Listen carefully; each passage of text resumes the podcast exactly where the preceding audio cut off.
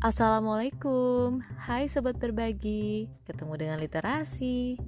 Stay with me ya.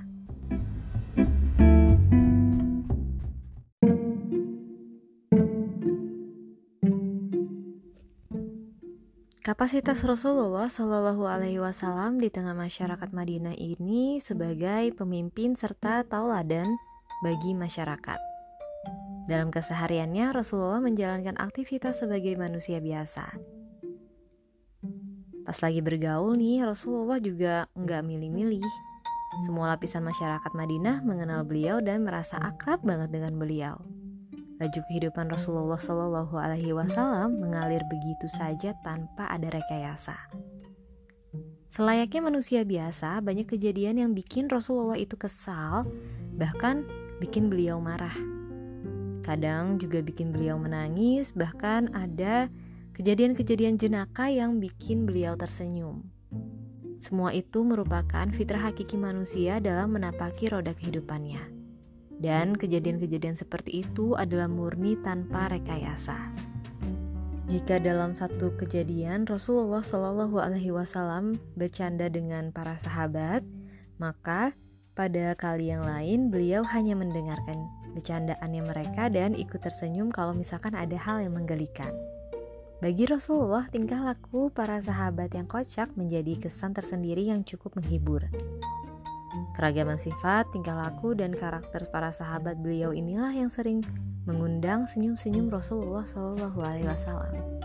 Masya Allah, barusan aku baca isi dari buku karya Isnaini Fuad yang judulnya Bercanda Bersama Rasulullah.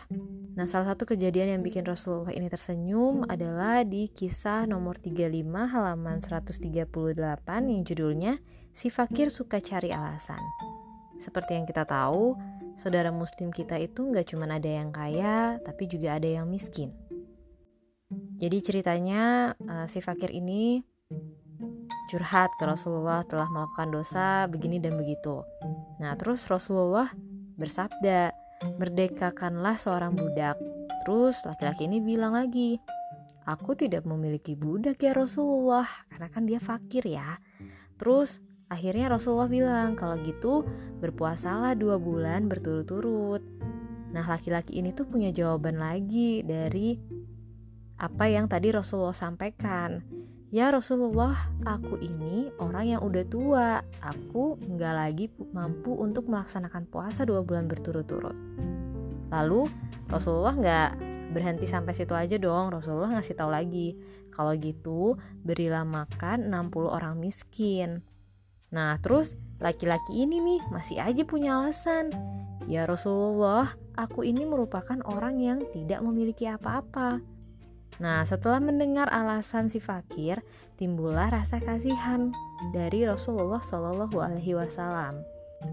Kemudian Rasulullah mendatangi wadah yang penuh dengan kurma. Beliau lalu berkata, "Sedekahkan kurma ini kepada orang yang meminta." Bukannya malah nurutin anjurannya Rasulullah, laki-laki ini malah nyautin lagi nih, bilangnya gini, "Ya Rasulullah, aku ini orang yang paling fakir. Demi Allah, tidak ada keluarga yang memerlukan kurma melebihi kebutuhanku pada kurma tersebut. Alasan demi alasan si fakir bikin Rasulullah merasa geli. Ini kalau kita udah sebel banget gitu ya, apa yang kita kasih tahu eh dijawab balik. Kayak 180 derajat gitu apa yang kita nasehatin ditangkis lagi kayak gitu-gitu tuh bikin kita biasanya kesal. Tapi kalau Rasulullah nih beda.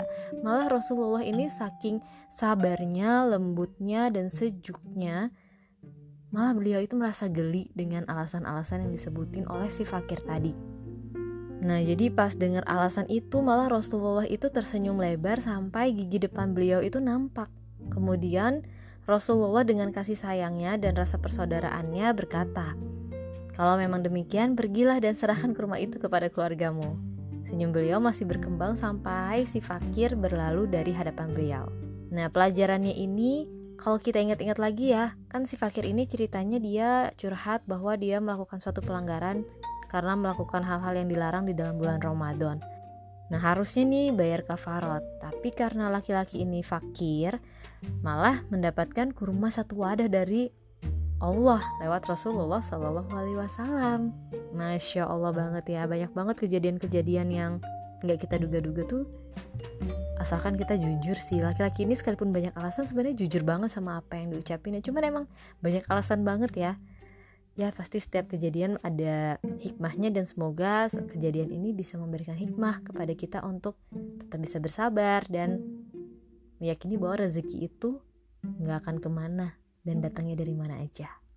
Asal jujur.